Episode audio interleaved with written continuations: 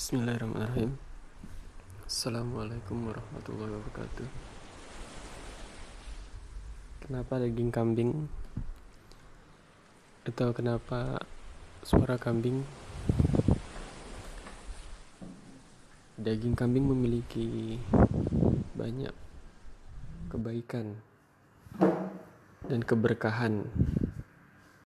Rasulullah Shallallahu Alaihi Wasallam bersabda yang artinya peliharalah, manfaatkanlah oleh kalian kambing karena di dalamnya terdapat barokah.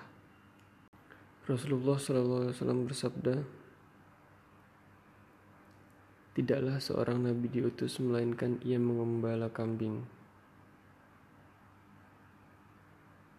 Para sahabat bertanya, apakah engkau juga?